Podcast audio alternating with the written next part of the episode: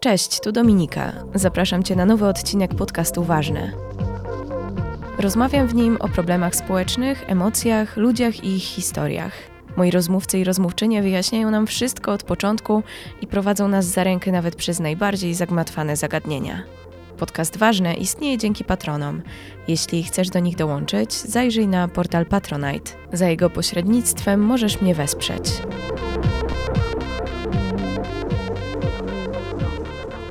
Przez ostatni rok pracowałam nad kilkoma tekstami związanymi z zagadnieniem niepełnosprawności. Barbara Jurkowska, która wiele razy pomogła mi przy nich, napisała do mnie jakiś czas temu i powiedziała, tak parafrazuję mniej więcej: Hej, wiesz co? Brakuje mi jeszcze jednego wątku dostępności, a zwłaszcza dostępności w ochronie zdrowia. Rzeczywiście dowiedziałam się, że problem jest poważny, bo okazuje się, że osoby z niepełnosprawnością, dla których dostęp do lekarzy jest szczególnie istotny, wcale tego dostępu takiego wspaniałego nie mają. Uświadomiła mi to też strona dostępnaginekologia.pl, gdzie osoby z niepełnosprawnością mogą znaleźć odpowiadający ich potrzebom gabinet. Pewnie część z Was idzie po prostu do najbliższego lekarza i nie zastanawia się, czy jest tam pętla indukcyjna lub podnośnik. W Warszawie gabinety z podnośnikiem są dwa. Dwa. Wyszukiwarka ze strony Dostępna Ginekologia mówi, że z pętlą indukcyjną nie ma żadnego. Nieźle. Moja kumpela zadzwoniła do mnie kilka tygodni temu, że u niej w okolicy nawet zwykłe pobranie krwi jest trudne, bo oczywiście od gabinetu pobrań dzielą ją niemożliwe do pokonania na wózku bariery. No więc tak, dzisiaj i w kolejnym odcinku pogadamy o dostępności. Moją pierwszą rozmówczynią jest Renata Orłowska, aktywistka i działaczka na rzecz osób z niepełnosprawnościami w zakresie praw kobiet, seksualności. Na co dzień jako pracownica socjalna wspiera osoby z chorobą Alzheimera. Być może znacie też Renatę jako autorkę bloga zaniczka.pl, obecnego też i na Instagramie, i na Facebooku. Renata dzieli się tam m.in. swoimi doświadczeniami, bo na co dzień jeździ na wózku elektrycznym. Jeszcze tylko szybko dodam jedną rzecz. Jeśli jesteście jednymi z tych lekarzy, którzy zapewniają w gabinecie osobom z niepełnosprawnością komfort na różnych płaszczyznach, świetnie i bardzo Wam za to dziękuję. Ale jednak większość relacji, które słyszałam od osób z niepełnosprawnościami, dotyczy negatywnych doświadczeń. Stąd w naszej rozmowie pojawia się generalna grupa lekarze. Chciałam to tylko wyjaśnić. Jeśli jesteście z tych spoko lekarzy, piątka. Cieszę się, że jesteście i szkoda, że z różnych powodów nie ma was więcej. Zaczęło się chyba od ta nasza rozmowa na temat dostępności, w ogóle pomysł tej rozmowy, od kwestii związanej z ochroną zdrowia. W jakich obszarach uważasz, że system ochrony zdrowia nie jest dostępny dla osób z niepełnosprawnością? W każdej, dlatego że dostępność zależy od y, niepełnosprawności. I jeżeli przyjdzie do lekarza na przykład osoba chora na Alzheimera, to większość lekarzy rodzinnych pierwszego kontaktu jest nieprzygotowanych do tego, żeby z taką roz osobą rozmawiać. Infantylizują ją, nie widzą problemu, zwalają to wszystko na sklerozę i najczęściej mówią, że pacjent nie współpracuje i odsyłają. Jeżeli chodzi o niepełnosprawnych ruchowo, to w bardzo niewielkim stopniu szpitale, POZ są dostosowane do naszych potrzeb, czyli nie można swobodnie samemu wejść do takiego budynku, gdyż drzwi zazwyczaj są otwierane w ten sposób, że mają takie siłowniki, żeby się same zamykały a nie mam żadnej możliwości ja na, na przykład na wózku elektrycznym, żeby otworzyć takie drzwi samodzielnie. To jest już pierwsze na dzień dobry, na wejście. Drugie to są rejestracje, w których panie siedzą za daleko, żeby mogły usłyszeć cokolwiek, kiedy ja siedzę na wózku. No i idziemy sobie dalej, idziemy sobie dalej, przechodzimy do rentgenu. Ja się samodzielnie nie przesiadam, nie skorzystam z rentgenu, bo po prostu trzeba by mnie było przenieść, na co się nie godzę, gdyż z powodu tego, że siedzę już wiele lat na wózku i też z powodu z racji wieku, mam już zmiany takie osteopatyczne i boję się po prostu złamania. Najlepszym rozwiązaniem byłby podnośnik. Niestety podnośniki nie mieszczą się w standardach dostępności szpitali właściwie w którym miejscu nie dotkniemy, to służba zdrowia jest w żadnym miejscu nieprzystosowana. To nie tylko lekarze ginekolodzy. To też dentyści, to też proktolodzy. Bardzo wiele osób z niepełnosprawnością ruchu ma problem z hemoroidami, których się nie leczy, bo raz to jest temat wstydliwy, drugi ci lekarze też nie są dostosowani, nie ma możliwości normalnego zbadania się. Można powiedzieć, że to dla szpitala drobiazgi, a dla osoby z niepełnosprawnością to jest bardzo dużo. Na przykład łóżka sterowane automatycznie, które pozwalają na zmianę pozycji osobie, która sama nie jest w stanie tej pozycji zmienić i żeby nie musiała na przykład wołać opiekunki, salowej, pielęgniarki, kogokolwiek, to ona na przykład może się z pozycji leżącej posadzić, czyli usiąść. Kiedy idę do szpitala i się pytam, czy jest takie łóżko, no to tak, mamy jedno na oddziale. Ja mówię, ja takiego łóżka potrzebuję. No to często jest tak, że na przykład przenoszą kogoś, żeby mi dać takie łóżko. Trochę skalę uświadomiła mi strona dostępna ginekologia, gdzie zobaczyłam, tam można wyszukać gabinety pod kątem właśnie dostosowania. I kiedy zobaczyłam, jak wiele jest tych elementów, które muszą zaistnieć, żeby było dostępne. Tak, to byłam zaszokowana własną niewiedzą, że po prostu to nie tylko jest kwestia, no nie wiem, Barier podjazdu, tak, tak. tak. Mhm, oczywiście. Staram się wypowiadać w swoim imieniu, czyli osoby z niepełnosprawnością ruchu i poruszającej się na wózku elektrycznym. Ja mogę tylko pobieżnie powiedzieć, że na przykład osoby niewidome nie mają, no, na przykład nie mają dokumentów w języku Braille'a, tak? Podpisują zgodę i muszą zaufać na słowo osobie, która czyta tą zgodę, bo nie mają wersji takiej, którą oni by mogli sami przeczytać, nawet przeczytać za pomocą czytnika mowy i komputera, tylko dostają kartkę do podpisania, kładzie się im palec tam, gdzie mają się podpisać i oni podpisują coś, czego tak naprawdę nie wiedzą, co podpisują, bo mogą podpisać cokolwiek. Wiem, że to jest kwestia zaufania i że z zasady się ufa, ale to nie powinno tak wyglądać.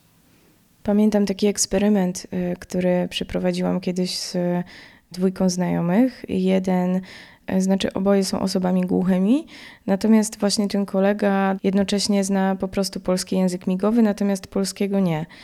I wyjaśnienie lekarzowi pierwszego kontaktu, z czym ma problem, było niezmiernie trudne. To był po prostu jeden ze zwykłych lekarzy pierwszego kontaktu, który zgodził się, żeby zajrzeć i tak z też własnej ciekawości dowiedzieć się, jakie są bariery, bo ten lekarz nigdy wcześniej nie spotkał osoby głuchej. No i śmiech pusty nas ogarnia, tych, którzy cokolwiek znają się, że proponuje się osobie niesłyszącej, osobie głuchej kartkę, żeby napisała na kartce. Kiedy, tak jak mówisz, jest wiele osób, które nie, dla których język polski jest językiem drugim. Ich pierwszym językiem jest polski język migowy. A to są dwa odrębne języki i one mają inną gramatykę, inną budowę i osoby niesłyszące mają trudność w tym, żeby przeczytać to, co jest napisane w języku polskim. Zastanawiam się nad skalą, w sensie, jeśli chodzi o Twoje doświadczenia, jak wiele miejsc, które napotkałaś, jeśli chodzi właśnie o system ochrony zdrowia, były z tych, które były dostosowane. Albo mogłabyś im wystawić, wiesz, czwórkę chociaż. Nie mam takiej. Nie mam takiego szpitala, takiej placówki, którą mogłabym z czystym sumieniem polecić i wystawić jej czwórkę. Dwa lata temu byłam w Zakopanem w szpitalu, gdzie musiałam przyjechać z własnym podnośnikiem, bo takiego nie było na oddziale, nawet nie było nasz w szpitalu żebym mogła go wypożyczyć i przesiąść się z łóżka na sedes i z łóżka na wózek. Jedyną opcją, jaką mogli mi zaproponować, było przenoszenie przez personel. No ja do szczupłych kobiet nie należę i to byłoby przede wszystkim duże obciążenie dla personelu i też duży dyskomfort dla mnie. Poza tym, no jeżeli nie będziemy dbać o personel medyczny, którego i tak mamy mało, to bardzo szybko on po prostu się, brzydko mówiąc, zużyje. Właśnie teraz podczas tej rozmowy zdałam sobie sprawę też, że właściwie to mój mikrofon też jest niedostosowany, w sensie ten statyw niedostosowany do Twoich potrzeb i do naszej rozmowy, bo gdyby był, to byłby, byłoby to duże ramię z wysięgnikiem, a tak to jest to sytuacja niewygodna dla Ciebie. Więc za to Cię przepraszam. Nie ma za co. Jest to niewygodna, ale akceptowalna jeszcze na tyle, tym bardziej, że jest to sytuacja sporadyczna i nie trwająca długo, więc jakoś wytrzymie. Rozumiem. Zastanawiam się też nad y, w ogóle kontaktem medyków albo kontaktem z medykami. Nie zakładam tutaj absolutnie złej woli, natomiast spotkałam się z y, takimi mm, opisami sytuacji, gdzie rzeczywiście osoba z niepełnosprawnością też y, zmieniłaby coś w samej relacji medyk-oni. W tym aspekcie wychodzą ewidentne braki, jakie mamy w edukacji lekarzy. Lekarze nie są przygotowani do tego, żeby pracować z osobami z niepełnosprawnością. Bo nie dość, że nie traktują osoby niepełnosprawnej, która do nich przychodzi, jako pełnoprawnego obywatela, który przychodzi po prostu po poradę zdrowotną, to do tego wszystkiego jeszcze próbują jakby jak najszybciej odepchnąć problem. Czyli jeżeli z czymkolwiek się przychodzi, to jest informacja taka, no ale pani jest niepełnosprawna, tutaj z tym nic nie zrobimy, tak? Nie mówienie o diagnozie, nie mówienie o skutkach niektórych operacji, to jest spotykane cały czas. Dopiero jeżeli na przykład mamy pierwszy kontakt z lekarzem i osoba z niepełnosprawnością wyraźnie mówi, że to ona jest tutaj pacjentem, a nie osoba, która ją przyprowadziła, albo która jej otworzyła drzwi w przychodni, bo są niedostosowane. I żeby wywołać na przykład recepcjonistkę, która by nam te drzwi miała otworzyć, no to jest dramat, bo recepcjonistki nie mają na to czasu, bo cały czas odbierają telefony, obsługują klientów. Nie ma komu tych drzwi otworzyć. I do tego opiekuna, który często jest też osobą na przykład przypadkową zupełnie. Opowiadają historię choroby osoby z niepełnosprawnością. Traktując y, tę osobę, która tak. przypadkowo tam jest, jako osobę, która która jest opiekunem, która jest osobą kompetentną do tego, żeby na przykład, nie wiem, zapamiętać, jak będą dawkowane leki, cokolwiek. Te sytuacje nadal się zdarzają i to jest, ja powiem tak, mam nadzieję, że teraz ustawa o dostępności to zmieni, że zostanie narzucona przez NFZ taka formuła, że jeżeli którekolwiek ośrodki, które będą chciały mieć kontrakt z NFZ-em, a nie będą spełniały standardów dostępności, czyli nie będą przygotowane do przyjmowania osób niesłyszących, do przyjmowania osób niewidomych, do przyjmowania osób z dysfunkcją narządu ruchu czy innymi problemami, to nie dostaną po prostu kontraktu. Bo tylko takie posunięcia mogą zmusić szpitale do tego, żeby były dostępne. W tym miejscu chciałam szybko dodać jedną rzecz. Pomyślałam sobie, że jeśli osoba, która na co dzień nie ma kontaktu z niepełnosprawnością, usłyszy, że w przychodni są trudne do otwarcia drzwi albo niedostosowana recepcja, to wyobrażam sobie, że może zdarzyć się sytuacja, że taka osoba pomyśli sobie: No i co z tego? Drzwi jak drzwi. Więc pomyślałam o krótkim ćwiczeniu. Weźmy sobie nasz standardowy dzień wyjście do sklepu, do urzędu, do szkoły, pracy, na uczelnię, tu na autobus, tu na obiad. W międzyczasie chcemy wyskoczyć gdzieś jeszcze, a po południu jeszcze do lekarza. I teraz, jeśli w każdym z tych miejsc są schody, niedopasowane drzwi, krawężniki, windy, które niby są, ale jakby ich nie było, więc w rezultacie trzeba wiele razy pytać, prosić, czekać, zamiast po prostu przyjść i wyjść. I sprawy, które załatwiacie, wydłużają się koszmarnie, no to totalnie można mieć dosyć. Dobra, koniec wtrętu, wracamy do rozmowy. Marzy mi się taki happening, że na przykład, nie wiem, powiedzmy jest 1 maja czy tam 3 maja i robimy happening taki w centrum którego, jednego z wielkich miast, że nie wchodzimy do restauracji, które są niedostępne. Nikt nie wchodzi. I tylko oblegamy albo e, spędzamy czas w restauracjach, które są dostępne. Ciekawe, czy by to uświadomiło restauratorom, jak wiele tracą. Ja ostatnio miałam taką sytuację, że zamówiłam stolik kilka dni wcześniej w restauracji, która powinna być przystosowana, bo została wybudowana po 1994 roku, czyli zgodnie z prawem budowlanym ma obowiązek być dostępna. I ona jest dostępna. Tylko W miejscu, w którym mogłam przejechać, właściciel postawił sobie ogromną betonową donnicę, a przed wejściem ustawił podest, żeby sobie powiększyć restaurację. I do podestu już nie było podjazdu. Masakra. No właśnie ochrona zdrowia to nie jedyne, jedyna przestrzeń, gdzie tej dostępności brakuje. Na Instagramie i na Facebooku właśnie pisałaś o restauracjach. Poczcie, w różnych urzędach, o tym, że na przykład wszędzie zostały pomontowane windy. Przeniemieszczanie się tą windą polega na tym, że przyduszasz przycisk i trzymasz ten przycisk. Ja na przykład tego nie jestem w stanie zrobić, bo moje mięśnie mi nie pozwolą na to, żeby w ogóle z tej windy skorzystać. Więc kto wymyślił taki standard? Na pewno nikt, kto jest z niepełnosprawnością. Pamiętam z naszej rozmowy poprzedniej też, że w sumie sporo mówi o społeczeństwie, y, to jakie obszary właśnie są niedostosowane, że y, centra handlowe, że sklepy, że, że właśnie, że restauracje. Jakby... Kościoły, cmentarze. W marcu umarła moja mama. Żeby dojechać na jej grób, naprawdę muszę się bardzo postarać, bo alejki są tak wąskie i też się o tym nie mówi.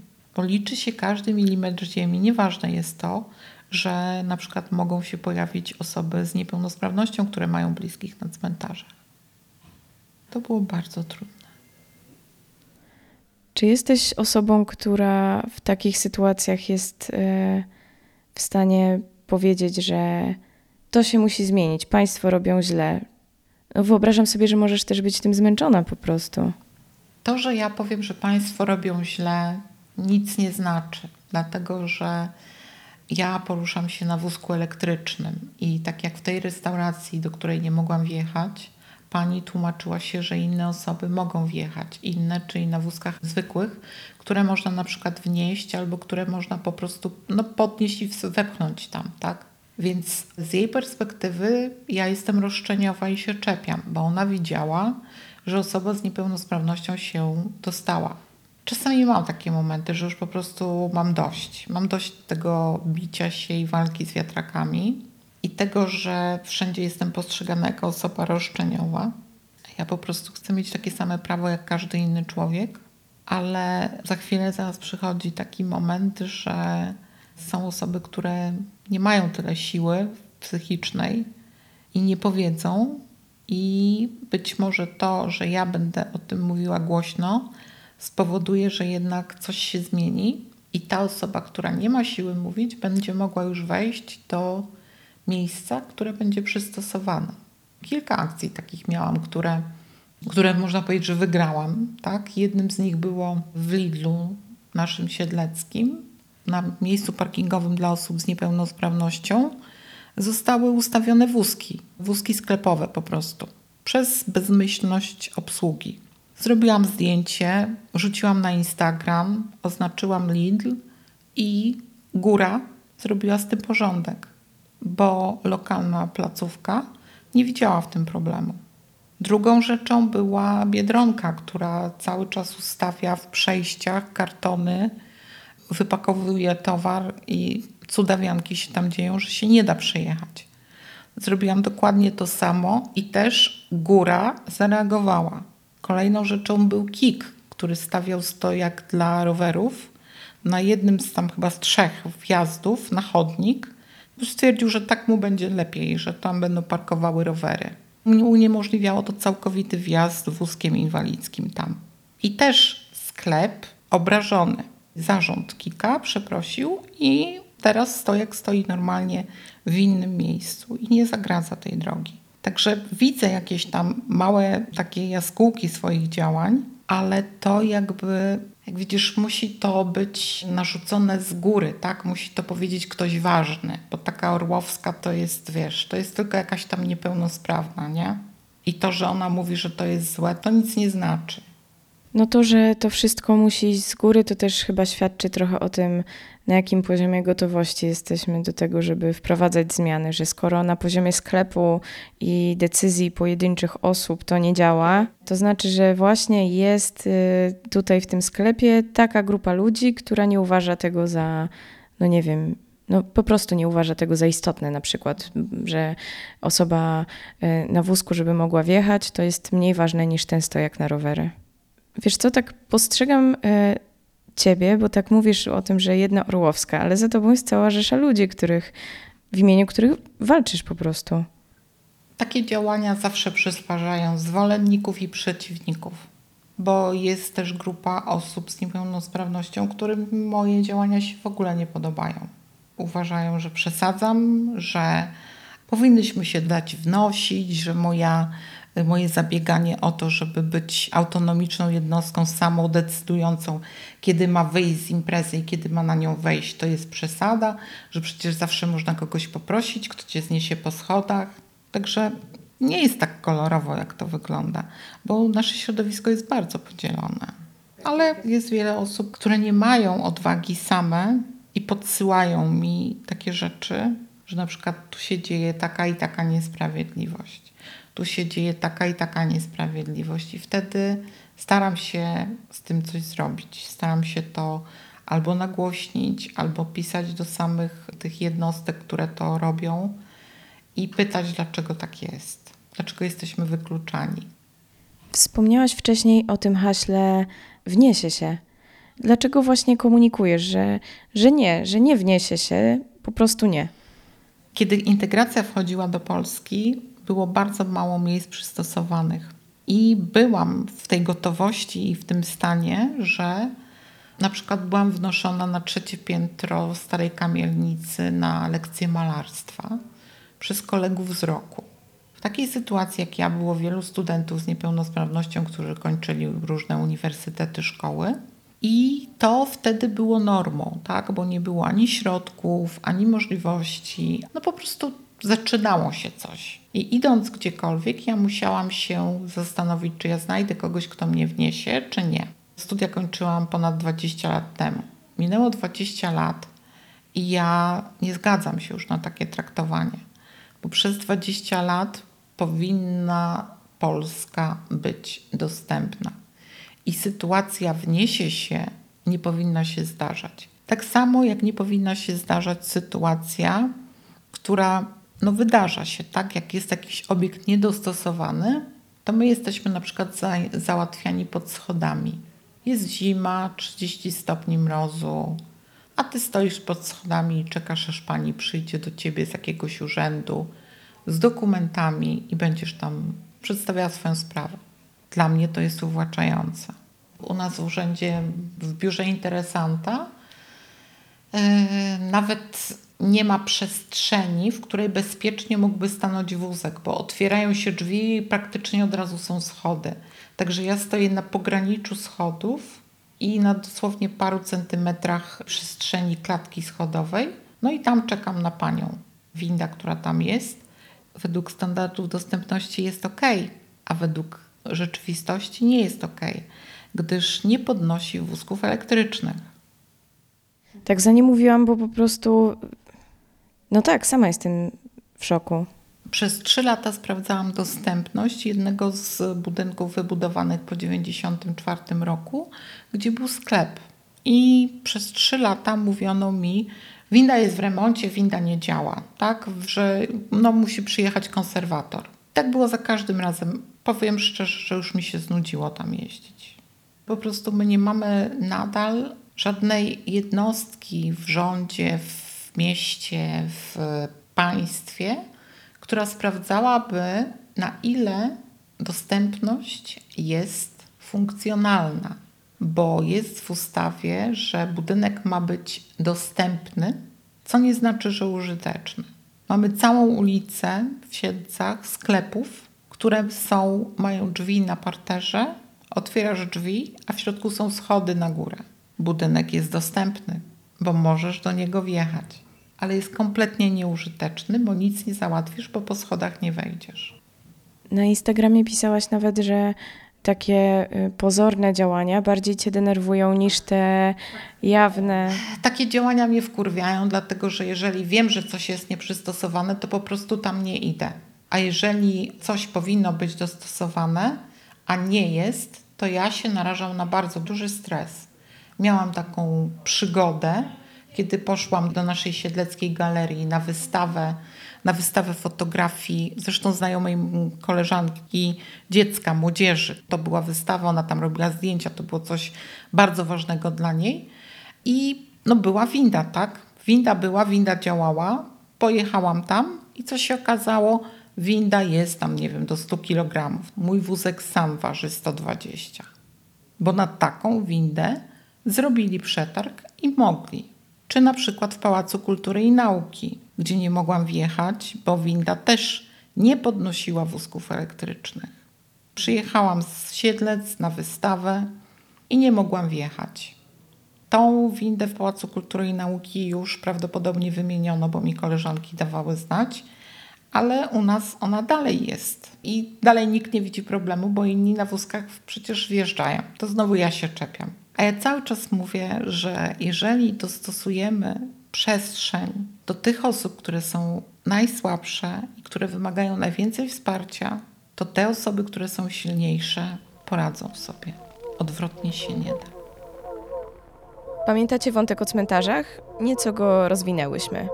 Przyznam, że akurat w sferze duchowej, religijnej spodziewałam się braku problemów z dostępnością.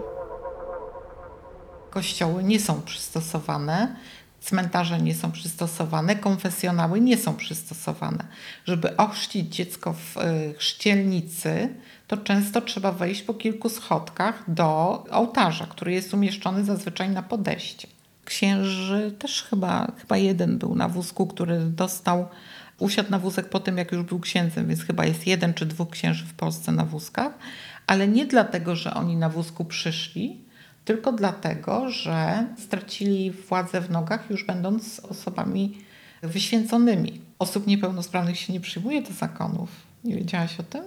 Kiedyś chciałam, miałam fazę bardzo, bardzo wysokiego ukościelnienia. Chciałam iść do zakonu, nie było żadnych szans. Nie ma mowy, żebym była zakonnicą, czy żeby mężczyzna z niepełnosprawnością był księdzem. No ale zobacz, rozejrzyj się. Widziałaś kiedyś kogoś? Nawet migającego, tak? Jeżeli migający, no to się nauczył. Ale głuchego księdza nie ma. No nie, to prawda. Zastanawiam się, czy mimo wszystko zaobserwowałaś jakieś zmiany, jeśli chodzi o podejście, no właśnie, jakieś takie otwieranie głowy. Przyjmę każdą odpowiedź. Jeśli powiesz, że nie, nie ma żadnych zmian, to tak, okej. Okay. E, bardzo, bardzo dużo dobrego dla niepełnosprawnych zrobiła pandemia.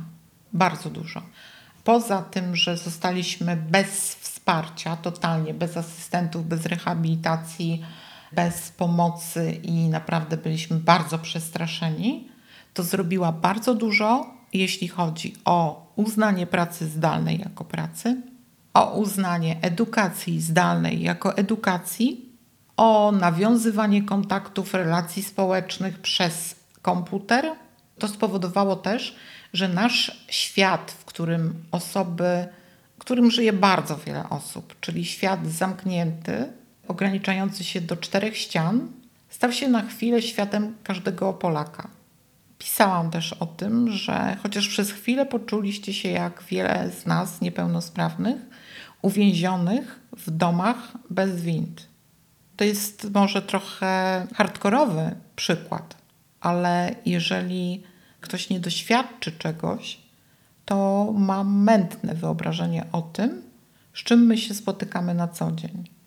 To, że ktoś nie mógł wyjść dwa tygodnie z domu, takich ludzi jest mnóstwo, którzy nie wychodzą latami z domów, bo mieszkają gdzieś zamknięci na czwartym piętrze i od czasu do czasu może jakaś, jakiś kolega go sprowadzi. Jest mnóstwo osób mieszkających na pierwszych piętrach czy na parterze, którzy nie mogą sami wyjść, bo sąsiedzi się nie zgadzają na zainstalowanie podjazdu, windy, czegokolwiek. Także pandemia zrobiła nam bardzo dużo dobrego. Moja koleżanka, e, jejku, już jej batalia o podjazd i o po prostu zmianę też drzwi na takie, które byłyby odpowiednie, już trwa tak długo, że po prostu czasami aż po prostu myślę sobie, no nie, no nie wierzę w to. Nie, to, nie, to jest niemożliwe. W XXI wieku. Chodzi po prostu o blok. Tak, chodzi o blok. I to nie I to, to, że, że każdy, w szpitalu coś i, to, I o to, że każdy się musi zgodzić. Nawet musi się zgodzić ten, który na przykład mieszka w, na czwartym piętrze i tak naprawdę go to średnio obchodzi. Bo on będzie miał tyle przestrzeni, żeby jeszcze przejść obok tej windy platformowej, czy nawet ten podjazd, który będzie zamontowany, czy te drzwi, które będą się otwierały na fotokomórkę, one mu ułatwią życie. Ja tak miałam na poprzednim mieszkaniu, e, gdzie doprowadziliśmy do tego, że miałam drzwi od klatki otwierane na fotokomórkę. No i najpierw sąsiedzi z naprzeciwka się strasznie burzyli, że będzie im zimno, że będzie im wiało. A w momencie, kiedy się wyprowadzałam i kiedy to zostało zdjęte, to była informacja, no jak oni teraz będą z zakupami wchodzić, przecież wcześniej im się to otwierało i rower mogli normalnie wyprowadzić, a teraz co, będą musieli się siłować drzwiami?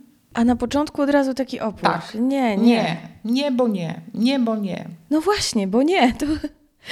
Tak, To ta, jest na złość babci odmrożę sobie uszy.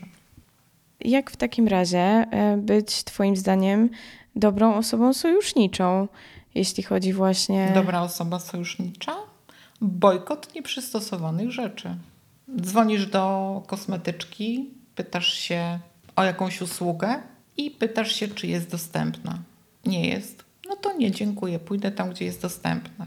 Robisz imprezę, robisz tam, gdzie jest dostępna. Tylko kasa jest w stanie uświadomić ludziom, ile tracą, i tylko solidarność, nasza wspólna. Jeżeli będzie więcej osób, które nie będą wybierały miejsc nieprzystosowanych, to wtedy ci, którzy są nieprzystosowani, będą musieli się przystosować, żeby mieć klientów. Ale do tego trzeba pospolitego ruszenia. No tak, bo jeśli, nie wiem, jakaś restauracja po prostu dostanie w ciągu roku jeden telefon tylko od ciebie, Tak, to to potraktują to jako marginalny. Tak, to nic nie da, ale jeżeli on dostanie takich telefonów 20, a łącznie z tym, że nawet ktoś zamówi już i potem się zapyta, żeby oni mieli świadomość, że na przykład, nie wiem, stracili 10 tysięcy. Tylko tak widzę jakąkolwiek szansę. We wspólnocie, we wspólnej sile. Jest taki cytat, który sobie zapisałam z pełnoprawnej akurat, z jej tekstu w Okopres. Dlaczego w telewizji śniadaniowej nie widzimy na ekranie osoby o kulach? Dlaczego programy newsowe nie są tłumaczone na polski język migowy? Dlaczego prognozy pogody nie zapowiada osoba na wózku, a w informacjach sportowych nie słyszymy o rywalizacji zawodników i zawodniczek z niepełnosprawnościami? Czy to też widzisz jako element e, jakiegoś no, systemu problemów? To, że nie widzi, nie, nie ma nas, nie ma reprezentacji osób z niepełnosprawnością praktycznie nigdzie, to jest duży problem. Ja jestem prawdopodobnie jedynym pracownikiem socjalnym, który się porusza na wózku w Polsce. Jeśli jest jeszcze jakiś, to bardzo proszę o to, żeby się do mnie zgłosił, chętnie nawiążę kontakt. Bo mój zawód, do którego się przygotowywałam przez 5 lat, zdawałam egzaminy, nie miałam żadnej szansy, żeby pracować w ośrodku pomocy społecznej, bo są schody wszędzie. Także tak, jest nas za mało, ale to jest też mm, jakby nie jesteśmy wybierani i nie, nie, mamy takich przed, nie ma takich przedstawicieli, nie ma nas w mediach, dlatego że też nie ma możliwości, żeby ten zawód wybrać. Tak? Do szkoły aktorskiej też się nie dostaniesz, będąc osobą niepełnosprawną. Nie przyjmą cię. Może dziennikarstwo, to tak jak najbardziej gdzieś tam możesz pójść, możesz być przyjęta. Zapowiadanie pogody i tutaj już się składa, kłaniają kanony, tak? Musisz być w kanonie piękna. Przecież te dziewczyny, one są wręcz filigranowe, te, które zapowiadają pogodę, bo mają być według określonego kanonu. Jeżeli nie zmieni się kanon, to nie zmieni się to, w jaki sposób będą nas przedstawiać media i czy w ogóle będą. Owszem, jeżeli by była większa populacja osób z niepełnosprawnością w mediach, to byśmy byli, nie wiem czy to jest dobre określenie, wtopilibyśmy się w tłum, ale bylibyśmy znormalizowani, tak? Nasz widok byłby znormalizowany i to, że jesteśmy i że na przykład, nie wiem, pani w urzędzie porusza się na wózku, więc urząd musi być dostosowany, to już byłoby takim, o, okej, okay, to nie możemy zrobić konferencji tu, bo ta pani z tego urzędu nie przyjdzie, bo nie wejdzie, nie? Ale to też nie do końca wynika z tego, że telewizja jest taka zła. To też wynika z tego, że sami niepełnosprawni na przykład godzą się na to, żeby występować w programach, które, które pokazują nas w takim, a nie innym świetle. Może tak to ujmę. Tym związanym po prostu z opieką i brakiem tak. sprawczości. Tak, tak. Nie ma tak, że, że po prostu ktoś nas skurcze, księży na białym koniu nas znajdzie i powie ojej, jesteś taka wspaniała, chodź zatrudnię cię w telewizji. Nie. Trzeba jeździć na castingi, trzeba się udzielać, trzeba, nie wiem, wysyłać swoje teksty. Zresztą jesteś dziennikarką, wiesz ile to jest pracy, prawda? Jeżdżenie, szukanie tematów. Osoba z niepełnosprawnością musi mieć zaplecze, a takich osób, które faktycznie jakby mają predyspozycje do takich zawodów jest niewiele. A to już wynika z tego, w jaki sposób są edukowani. To już wynika z tego, że są edukowani przez społeczeństwo jak na osoby, które są niewydolne, które nie mają. Yy, Dominika, to jest temat na książkę, wiesz, tak naprawdę, bo do tego wchodzi całe wychowanie, do tego wchodzi wszystko, co się z tym wiąże, czyli to, że matki poświęcają swoje życie dzieciom zamiast zająć się swoją karierą zawodową, a w tym czasie, żeby dziećmi się zajęli asystenci. No, my możemy stworzyć taką wizję utopijnego świata, jak to powinno wyglądać. Niemniej jednak, może nie coraz więcej, ale zaczynamy, zaczynam obserwować na przykład osoby z niepełnosprawnością w reklamach, czego jeszcze kilka lat temu nie było. Być może, że to się zmieni. Ja ostatnio miałam okazję brać w reklamie akcji Dotykam, wygrywam, gdzie skontaktowałam się z Izabelą i mówię: Słuchaj, dotykam, wygrywam, ok. Chodzi o profilaktykę raka piersi, ale są kobiety takie jak ja, które same się nie dotkną, bo ja nie jestem w stanie sobie sama zbadać piersi. No i taka osoba jak Iza uświadomiła sobie, kurde, no tak jest. I w ciągu dosłownie paru dni pojechaliśmy na zdjęcia do teledysku, który niedługo będzie emitowany, gdzie moich piersi dotyka mój mąż, bo to on mnie bada. Też musimy się zgłaszać, a nie tylko czekać, aż nas ktoś zauważy. No przyznam, że jestem pod wrażeniem też e, ilości działań i aktywności właśnie w mediach społecznościowych. Ciebie i paru innych osób widzę, że że po prostu wkładacie w to ogrom pracy. Że to jest ogrom czasu, ogrom pracy. No tak. ogrom czasu, ogrom pracy. I zapomniałaś dodać siły. I siły, tak. No wiesz, nie chciałam znowu wchodzić, wchodzić w te tony, ten, że dzielna, tak, że to... Biedna i tak dalej. Nie, nie. To oczywiście taki z śmiechem, żartem. No, kogoś pasją są psy. Moją pasją jest to, żeby było lepiej. Po prostu. Zastanawiam się, z czego wynika ten czynnik ludzki, to niepomyślenie, to wiesz, nie, nie spojrzenie na inną perspektywę. Po prostu z braku empatii. Ludzie są egoistami zazwyczaj. Egoistami takimi, że jeżeli coś nie dotyczy ich, to po prostu ich to nie interesuje. A zaczyna interesować w momencie, kiedy na przykład, nie wiem, e, ktoś w rodzinie zachoruje, ktoś złamie nogę, babcia się zestarzeje ja to widzę u siebie w pracy. My trąbimy, bombardujemy kampaniami społecznymi, ulotkami, wszystkim na temat choroby Alzheimera, że nie wiem, potrzebujemy wolontariuszy, chcemy mu zrobić jakąś rzecz i e, potrzebujemy takich takich specjalistów i nikogo to nie interesuje. Dopóki Teo nie spotka go osobiście. Czyli dopóki nie zachoruje jego matka, teściowa, teść. Wtedy ten człowiek może zrobić wszystko. Znajduje czas, znajduje kolegów, którzy na przykład mogą nam pomóc w jakichś działaniach. Musi być ta empatia i jakieś minimalne zainteresowanie tematem.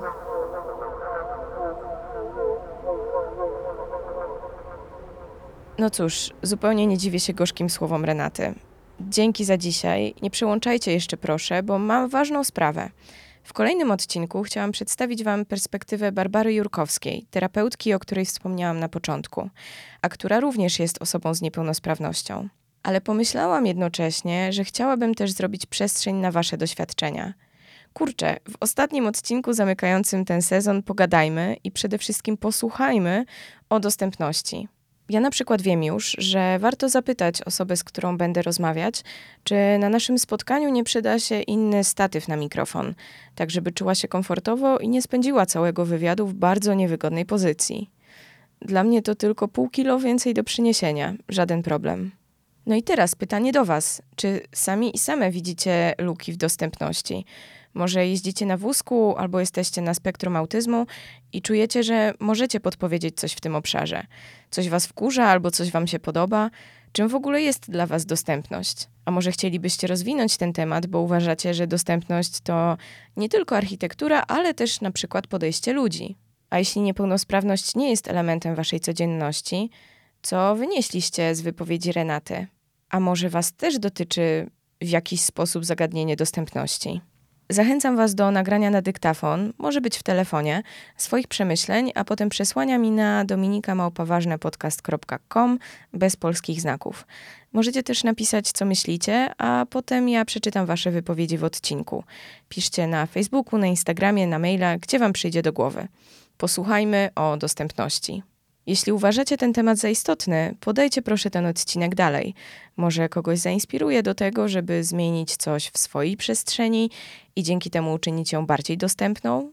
Może to być sklep, restauracja, cokolwiek. Wiecie, niestety czasem trzeba wziąć sprawy w swoje ręce. No to spokojnej reszty dnia. Słyszymy się niebawem. Trzymajcie się.